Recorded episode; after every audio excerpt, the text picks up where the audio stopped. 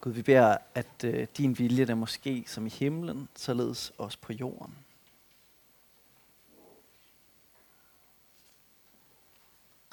Gud, vi beder om, at vi må få lov til at samle vores tanker, vores sjæl og vores hjerte omkring dig nu.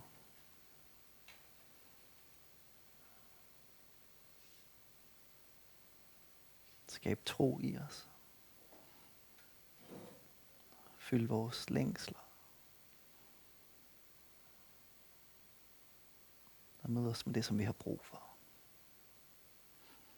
Amen. Her i vores dejlige menighed, så er vi ved at læse Daniels bog sammen. Og øh, det kan være, at du ikke lige har hørt nogle af de andre prædikner. Jeg har holdt tre indtil videre om Daniels bog. Så skal du ikke øh, bekymrer dig om det. Øh, så kan du bare vide, at øh, vi andre vi har læst tre kapitler i Daniels bog, og det har været rigtig spændende. Og hvis man sådan skal opsummere, hvad var det egentlig lige, der skete der? Øh, så kan man sige, Daniel han var en mand, der var i lære i det babylonske kongerige, og han var blevet oplært i hoffet, og han var blevet udtaget som en af de allerbedste.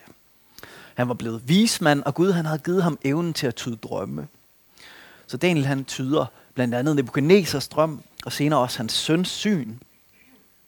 Og det betyder, at han bliver forfremmet, og at hans venner bliver forfremmet. Men de mister ikke dem selv midt i den her fremgang. De holder fast i, at deres loyalitet over for Gud er større end deres loyalitet over for mennesker. Og det kan kongen ikke lide, og derfor så bliver Daniels venner smidt i den brændende ildovn, hvor de bliver reddet ud af en engel. Og Daniel han får lov til at opleve at stå over for Nebuchadnezzar og skulle tyde hans drøm og sige til ham, dit rige det skal gå i forfald. Han får lov til at se en hånd, der skriver på væggen, du, bliver, du er vejet og fundet for let. Og de her ting, de sker for, at Daniels historie kan være en historie om, at Gud han ydmyger de hårdmodige. Og at dem, som har tillid til ham, de får oprejsning. Og så er vi kommet dertil, hvor øh, Nebuchadnezzars søn Belshazzar, han har fået skrevet det her på væggen, og han mister tronen, og øh, ham, som kommer efter, han hedder Darius. Dejligt dansk mundret navn, ikke også? Darius. Og Darius, han er blevet konge, og så er vi kommet til kapitel 6 i Daniels bog. Og det er så den, vi skal prøve at tage livtag med i dag. Forsøge at finde ud af, hvad er det egentlig Gud, han vil med os her i Daniels bog, kapitel 6. Så det vil jeg forsøge at genfortælle, og så til sidst vil jeg prøve at læse nogle få vers op fra den. Darius, han er kommet til magten, og han skal ligesom etablere sit rige. Så derfor så udvælger han 120 ledere, som, skal, som han skal lede igennem. Så han deler sit rige op i 120 dele, og så får alle de her ledere en del hver. Og så sker der jo det, der tit sker, når at ledere de står ved siden af hinanden, det er, at de begynder at se, hvem er også egentlig bedst. Og Daniel han udmærker sig som den bedste. Og de andre ledere, de bliver lidt trætte af det. Kongen han tænker, ham der Daniel, han klarer sig godt. Jeg tror, han skal være øverstbefalende. Jeg tror, han skal være vicepræsident her. Jeg tænker, han skal være den, som er lige under mig. Og øhm, da jeg læste teologi op i, i Aarhus på universitetet, der, så var der nogle af mine studiekammerater, der arbejdede på et lager. Og de, de havde sådan, sådan et, øh, hvad er det, det hedder, sådan et, et pluklager. Så de kørte rundt med sådan nogle øh, gaffeltruk om natten, og så skulle de plukke ting ned fra, fra hylderne og putte på sådan en palle der. Og øh, de var jo nogle, øh, nogle meget ærlige mennesker, og de arbejdede egentlig sådan rimelig effektivt, så de fik hurtigt løst deres opgaver. Og så gik der nogle uger, og så kom der en af deres øh, sådan medarbejdere hen og sagde til dem, vi er simpelthen nødt til at arbejde noget langsommere. Fordi os andre, vi holder sådan to timers pause der om natten, øh, sådan midt i det hele, og vi, vi kan godt lide at bare gå og slindre lidt. Og hvis du arbejder så hurtigt, så kan, de andre jo, så kan lederne jo se, at vi snyder helt vildt. Så det duer ikke. Du bliver nødt til at snyde ligesom os, ellers så sætter du også i et dårligt lys. Og øh, det var, den, kom, den historie kom jeg bare til at tænke på, da jeg tænkte på Daniel og hans medledere, hvor de bliver misundelige på ham. De tænker, det duer ikke, at Daniel han stikker hovedet så meget frem, fordi det sætter også i et virkelig dårligt lys. Og måske kunne de også godt tænke sig, at de selv var dem, som ligesom blev forfremmet. Nå, men øh, de kan ikke finde noget udsæt på Daniel. De leder ellers efter. De tænker, der må være, han, må, han må tage fejl et sted. Han må lave nogle, nogle, nogle fodfejl, eller han, der må være et sted, hvor han kommer til kort. Men det er der ikke. De kan ikke finde noget. Og hvad gør man så? Så går man jo efter manden. Og det, som adskilte Daniel fra de andre, det var, at Daniel han var, øh, han troede på Gud. Det gjorde de andre ikke. Nå, så kunne de måske finde noget i hans religion, som de kunne udsætte på ham. Og så ligger de egentlig en ret smart plan. Så de går op til kongen, og så siger de, Konge, kong der rejers, kongen leve evigt. Kunne du ikke godt tænke dig, at du var den eneste, man kunne tilbe i den her verden? Hvad med om de næste 30 dage, at vi beslutter, at det kun er dig, man må tilbe? Og hvis ikke, at folk de tilbærer dig, så skal de smides i løvekuglen. Og kongen han tænker, nej, vil I have, at alle folk de skal tilbe mig?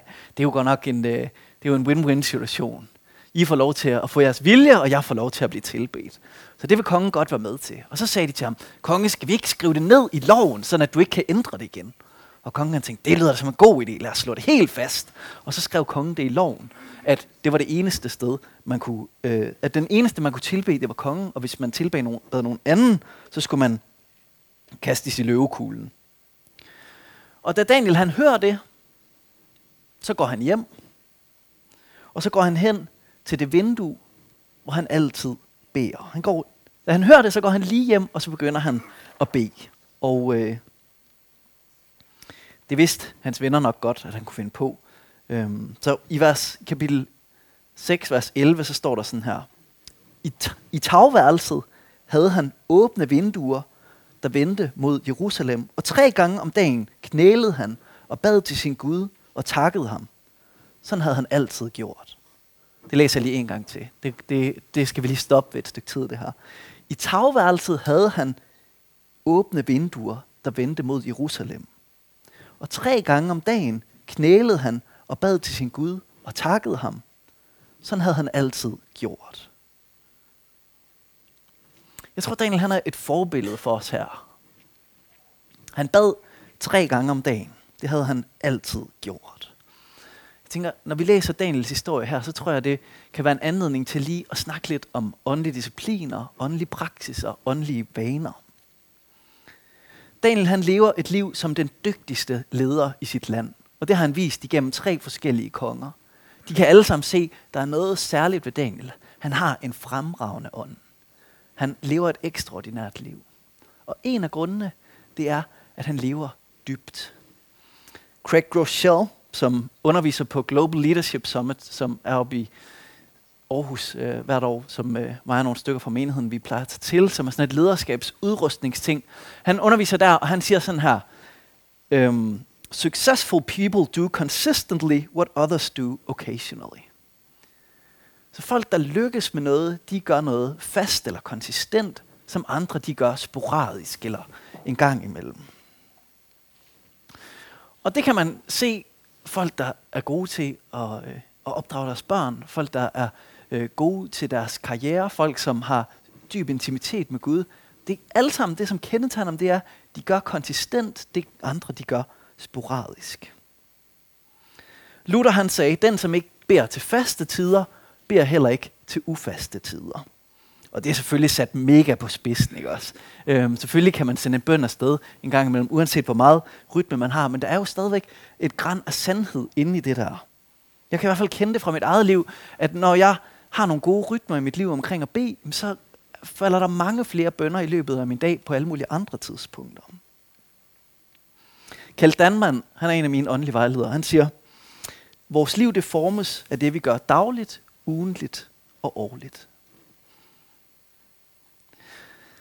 Og jeg fortæller ikke det her for at lægge en byrde på jer, fordi nu skal vi alle sammen til virkelig at slå os selv med, hvor øh, hårdt det er øh, at leve et disciplineret kristenliv.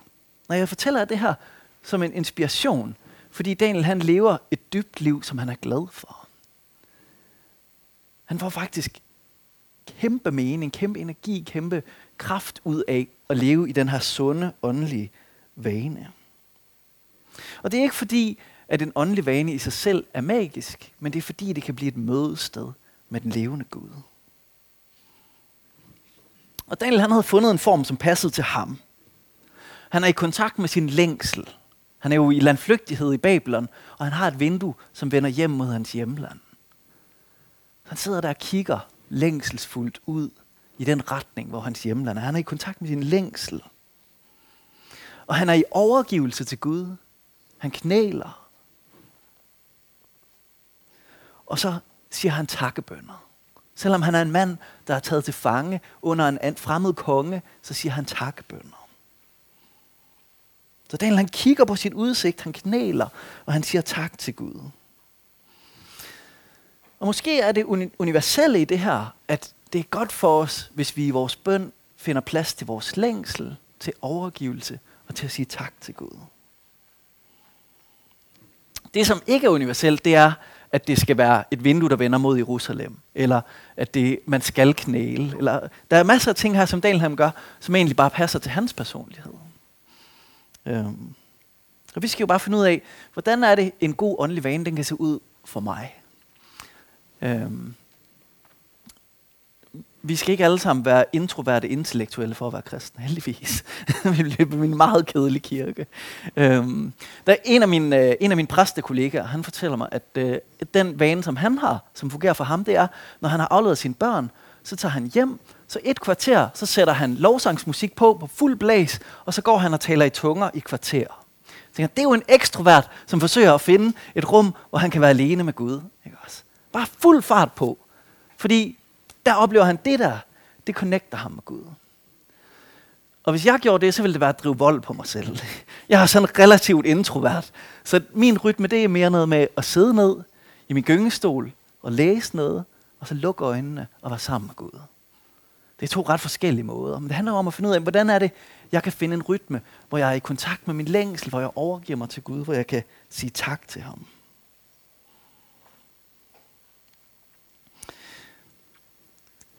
Og det her, det handler jo om disciplin, ikke også? Daniel, han bad tre gange om dagen. Det havde han altid gjort, stod der. Og jeg snakkede med en munk, der var på retræte sidst, om discipliner. Jeg var ved at læse en bog, der handler om de 12 klassiske åndelige discipliner, som hedder Celebration of Discipline, som var rigtig god. Um, og den sad jeg og læste i, og så kom ham og munken ind, og så spurgte han, hvad er det, du læser? Jeg viste ham bogen, og han sagde, Nå, det var lidt en sjov titel. Han kunne egentlig ikke så godt lide det der med disciplin. Han tænkte egentlig aldrig, at han disciplinerede sig selv. Og så tænkte han lidt videre, og så sagde han, ah, men der er selvfølgelig meget i vores sådan munkeliv, som er ret disciplineret. Altså, vi beder selvfølgelig seks gange om dagen, og vi spiser i stillhed, og vi øhm, har tre gange om dagen, hvor vi bare er alene og stille med Gud. Og så, så kunne han godt se, at ah, der var alligevel rimelig meget, som, som var ret disciplineret. Og så sagde han det, som jeg hæftede mig ved, som var, der er ingen af os, der kan lide disciplinen. Vi kan godt lide det, det gør ved os. Og ham og munken, han var, jeg kan ikke huske, han var 65 eller 70 år gammel. Han har levet som munk hele sit voksenliv. Altså i 50 år havde han levet som munk, og han sagde til mig, der er ingen af os, der kan lide disciplinen. Og så tænkte jeg, åh, jeg, jeg havde håbet, du ville sige, om 20 år, så elsker du disciplinen. men det sagde han ikke. Han sagde, der er ingen af os, der kan lide det, men vi kan godt lide det, der gør ved os. En anden måde at tale om det på, det var på lederoase her for en uge siden. Der var vi nogen, der var sammen. Der var der en nonne, der holdt et lille, lille oplæg. Og hun sagde bare sådan nogle guldkorn af nogle sætninger. En af sætningerne, hun sagde, det var, når vi sætter Jesus i centrum, så sætter han os i centrum. Og det er det, der sker i de åndelige discipliner. Det er, at vi sætter Jesus i centrum, og så sætter han os i centrum. Så får vi lov til at være nærværende sammen med ham. Daniel han havde en fremragende ånd. Han havde en ånd, som havde dybe rødder, som strakte sig mod Guds evige kildevand. Øh, måske kan nogen af jer huske, Jakob Hvidberg, han holdt en øh, andagt til vores øh, årsfest. Og der fortalte han om, at han havde opdaget, at det var egentlig meget livgivende for ham at læse Bibelen. Og det var han nok egentlig kommet lidt væk fra. Men lige pludselig havde han oplevet, hov, der er faktisk noget her, som giver mig energi, som, som skaber intimitet med Gud.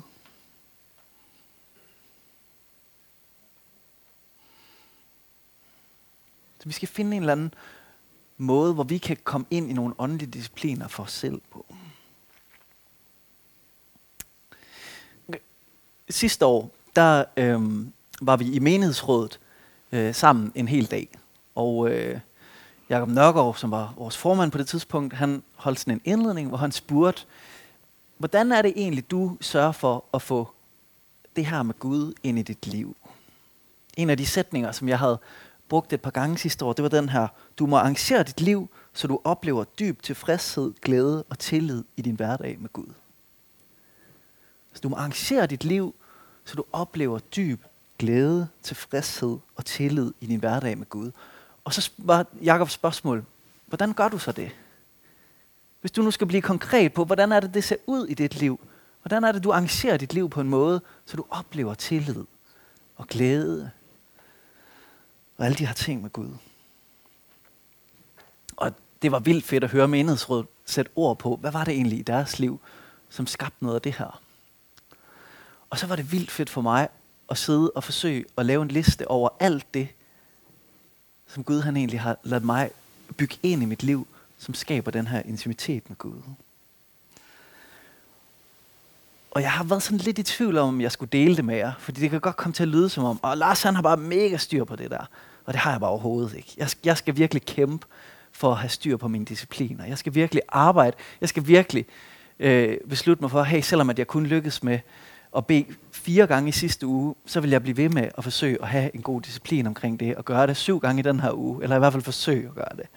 Øhm, så jeg giver de her ting til jer, ikke som sådan et, åh oh, Lars han er mega god, men som et, det kan være, at I kan låne en idé, øhm, eller tænke noget andet, når jeg nu deler, hvordan det her det ser ud i mit liv. Så nogle af de rytmer, som jeg har i mit liv, det er, at jeg dagligt læser et stykke i en åndelig bog, og et stykke i Bibelen, og så sidder og beder. Så det gør jeg om morgenen. Og den anden rytme, som Bitten og mig, vi har meget fast hjemme, det er, inden vi spiser om aftenen, så beder vi en bøn sammen. En kort takkebøn, hvor vi bare lige er sammen øh, i det. Det er mine daglige rytmer. Så har jeg nogle ugentlige rytmer. Om tirsdagen, så tager jeg toget op til Aarhus, og så sidder jeg på kontor oppe i Aarhus Valgmenighed, og det gør jeg primært, fordi at så begynder min dag deroppe med, at jeg tilbærer sammen med dem, og jeg får en kort bibelandagt på et kvarter, øhm, og så sidder jeg og arbejder sammen med dem. Øhm, men den der lille andagt, den starter bare min uge på den rigtige måde. Og så får jeg lov til at være sammen med de der øh, dejlige mennesker, der er deroppe. Så det er om tirsdagen. Om torsdagen, så har jeg lavet en aftale med Orla Mønter, som er præst heroppe i Frikirken, øh, om at vi skal mødes og bede et kvarter sammen. Og så siger Orla altid bagefter, når vi har bedt et kvarter, vi læser en salme, og så beder vi for hinanden. Så når vi har gjort det, så siger han altid til mig, skal vi lige have en kop kaffe? Og så får vi lige en kop kaffe.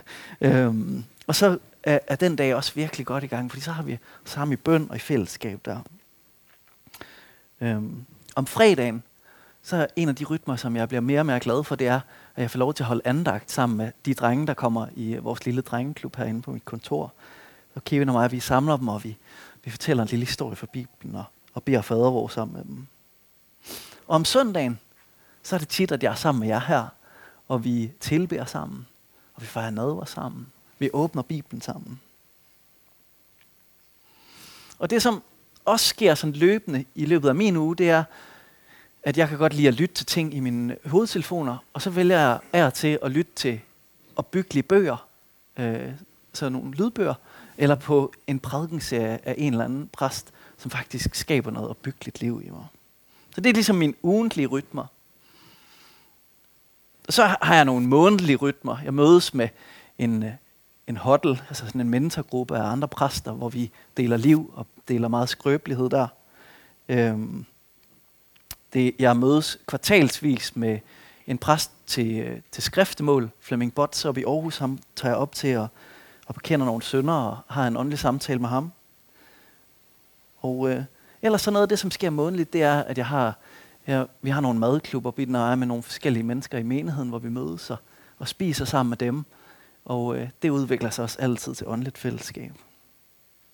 Og så har jeg nogle årlige rytmer. Jeg kan godt høre, det lyder sådan lidt for meget. Ikke også? Men jeg, jeg håber, I, I bare øh, samler nogle idéer til jer selv. Finde ud af, hvordan er det, det her det ser ud for mig. Øhm, det, så har jeg årligt, øh, der tager jeg på sommeroase. Jeg tager med på lederoase. Jeg tager med på øh, Global Leadership Summit. Og, øhm, og så har jeg øh, min personlige retræte, som jeg tager på hvert år. Og jeg er med på, og der er meget af det her, som også er mit job. Så jeg, jeg forsøger ikke at sige, I skal gøre det samme som mig. Det, som jeg siger, det er, Daniel han havde ikke et præstejob. Men han havde en rytme, hvor han bad tre gange om dagen, og det havde han altid gjort. Han havde fundet en rytme, som var god for ham, som skabte intimitet med Gud, som gjorde, at han havde en dyb tillid til Gud, som jeg bare håber, jeg får en fli af på et tidspunkt. Og, og vi, vi må alle sammen finde ud af, hvad er det for nogle rytmer, som trækker os i den retning. Og du skal ikke gøre det hele på én gang, men én ting ad gangen. Og måske er der nogen af jer, som bare skal prøve at lave den øvelse, og I lige ramser op, hey, hvor meget er det egentlig, Gud han allerede er i gang med at gøre i mit liv. For det kan faktisk være ret opmuntrende at se.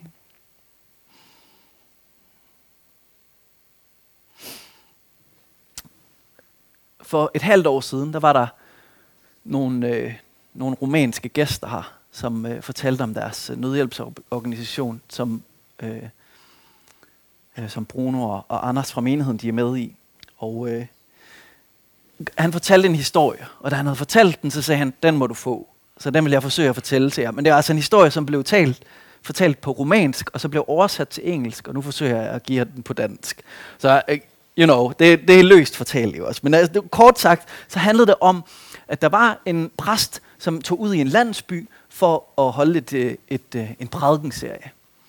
Og så forsøgte han at samle nogle folk, og øh, da han havde samlet lidt folk, så kom der en mand gående forbi med sin hest.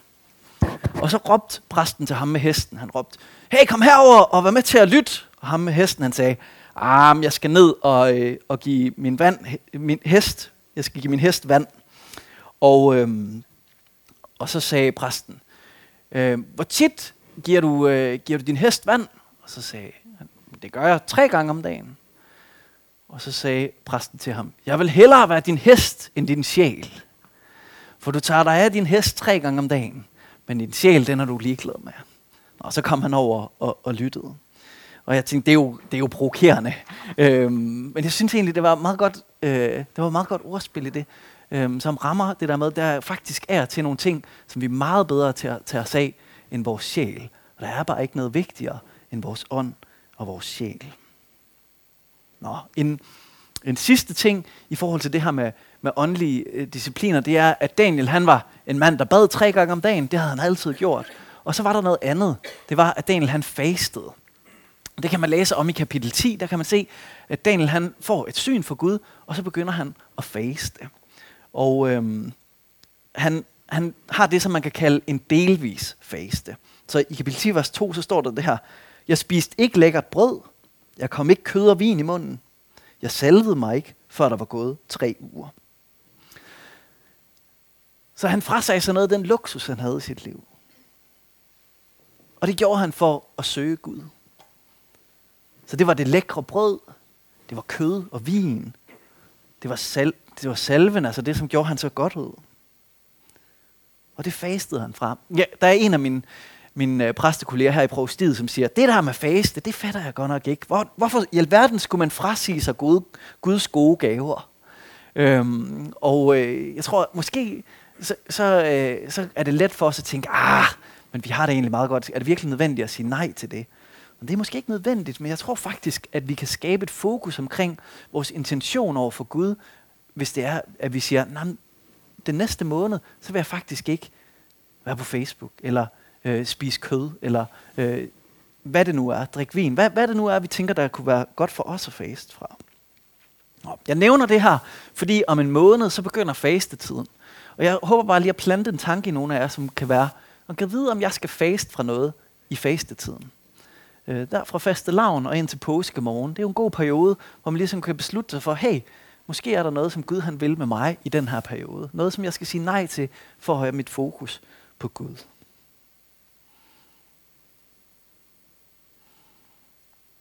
Ja, så Daniel han bad tre gange om dagen, også når han ikke måtte.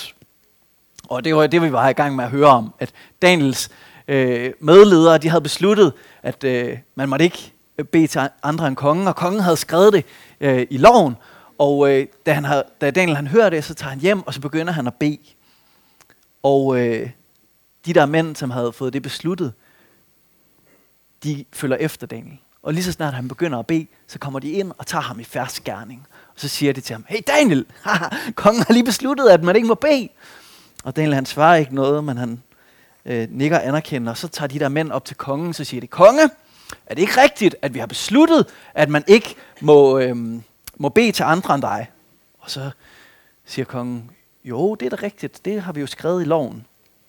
Og så øh, siger de her mænd, og Daniel, din tjener, han beder til Gud. Og så siger kongen, åh oh, nej. Og så blev han ille til mode, står der. det synes han var en rigtig dårlig idé, at Daniel han skulle smides i løvekuglen. Så han ville gøre et eller andet for at stoppe det. Men de sagde, at det står i loven. Det kan du simpelthen ikke lave om på. Og så må kongen sige, nej, men det er rigtigt. Så kongen han får Daniel hentet, og så lige inden han kaster ham i løvekuglen, så siger han til ham, måtte din Gud, som du uophørligt dyrker, redde dig. Og så ryger Daniel i løvekuglen. Og kongen han får rullet en sten for, så, kong, så Daniel ikke kan komme op igen. Det er jo voldsomt. Nu er Daniel nede ved løverne. Og Gud er der. Men han er ikke en lykkegud. Det kan næsten være svært for os at rumme de store mirakler, som er i Daniels bog. Folk, der bliver taget ud af ilden, uden at blive rørt af den. Og Daniel, som ser skriften på væggen og faktisk forstår den. Men jeg tror, det er vigtigt for os, for at kunne forholde os til de her historier, at vi også lægger mærke til det, som er svagheden i deres liv. Det, som er smerten i deres liv. Det, som faktisk er på spil i deres liv. Daniels venner, de bliver ydmyget foran kongen. De bliver truet på livet. De bliver smidt ind i ovnen.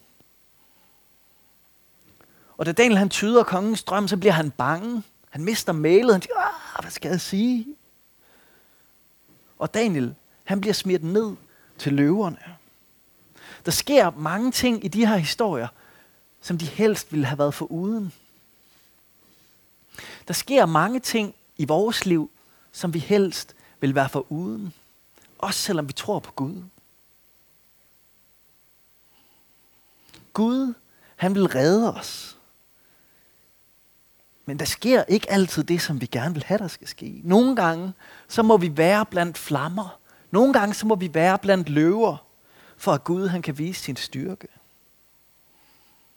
Vi lever i en verden, som er fyldt med smerte og med lidelse og med alt muligt andet.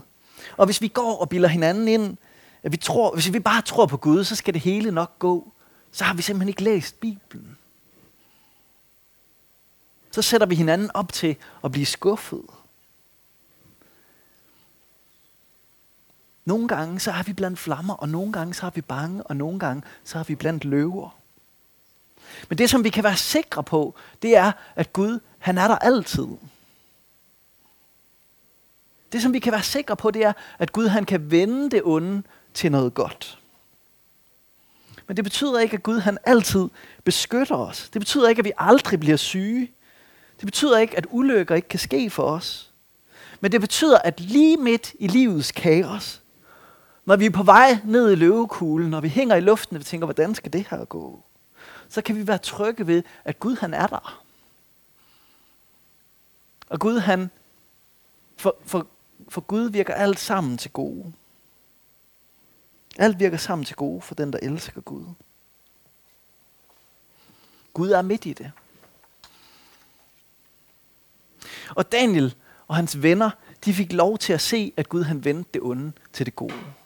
Og de fik lov til at se det på en overraskende måde, lige for øjnene af dem. Om morgenen, da Daniel han havde været i løvekuglen hele natten, så løb kongen ud til løvekuglen. Det har været noget af et syn. Kongen, der løftede op i sin kjortel og bare løb ud til den der løvekugle. Han tænkte, kan vide, om Daniels Gud han har kun noget som helst. Og så råber han, mens han stadigvæk er i løb, så råber han ned til Daniel. Daniel, den levende Guds tjener, har din Gud, som du uophørligt dyrker, kunne redde dig fra løverne? Og Daniel han kunne svare, ja. Gud han sendte en engel, som lukkede munden på løverne. Så blev Daniel løftet op af løvekuglen. Og man kunne se på ham, han var ikke blevet rørt af løverne. Og der står, han var ikke blevet rørt af løverne, fordi han stolede på Gud. Og så viser kongen, at han er en værre en. Så han kaster de her folk, som har lavet den her sammensværgelse, ned til løverne. Og han kaster deres koner derned, og han kaster deres børn derned. Og det, der står, det er, de havde knap rørt jorden, før løverne knuste alle deres knogler i deres kroppe. Og, og jeg tænkte, da jeg læste det, I kan vide, om de har kunne se det ned i det der lille hul, som de har puttet en sten for, eller kan vide, om de har hørt det. Og det er jo selvfølgelig fuldstændig vildt, og det må have været meget grusomt. Men det, som det viser, det er jo, at Daniel han blev virkelig reddet. Det var ikke, fordi de løver de ikke var sultne eller, eller villige til at, at tage et bytte. Det er jo sådan noget, som vi tit skriver ud af børnebiblerne, ikke også? Men det er jo virkeligheden. Daniel han blev reddet. Og derfor så udsender øh, kongen os en hilsen til hele sit kongerige. Og den får vi lige op på skærmen her. Vær hilset. Jeg udsteder hermed en befaling i hele mit kongerige, så langt mit herredømme rækker, skal man frygte og skælve for Daniels Gud. For han er den levende Gud. Han forbliver i evighed. Hans kongerige kan ikke gå til grunde. Hans herredømme er uden ende. Han redder og befrier. Han gør tegn og under i himlen og på jorden. Han reddede Daniel ud af løvernes klør. Som det sidste, så kan vi stoppe ved de her ord, som der han bruger til at beskrive Gud. De havde jo en særlig betydning for ham, for han havde lige set, at Daniel han var blevet reddet for løverne på en måde, som ingen andre kunne. Og for os, så har de jo en endnu dybere klang, fordi vi kender noget til Guds historie, som følger efter det her. Vi ved, hvad der skete med Jesus. Vi ved, at det var hans knogler, der blev brudt i stedet for vores. Vi kender noget til Helligånden, fordi vi ved, at Gud han sendte Helligånden øh, til os. Så det, som vi kan se her, det er, at Guds karakter, den viste sig for der os. Og Guds karakter er den samme i dag. Så det, som er sandt om Gud dengang, det er stadigvæk sandt i dag. Og hvad er det, der så står om Gud her? Hvem er Gud?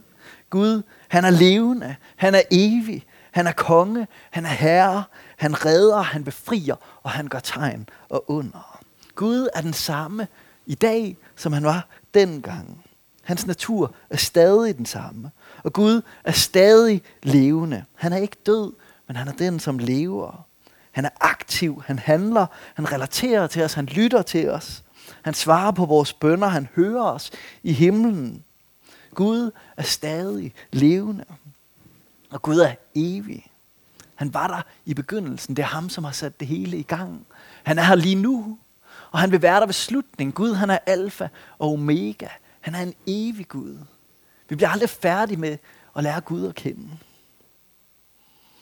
Og Gud er konge. Han er hersker over alt. Der er ikke en spurv, der falder til jorden, uden Gud, han ved det. Der er ikke en konge, som har sin magt, uden at den er givet af Gud. Gud, han er konge, og han er herre. Og han er det på en overraskende måde.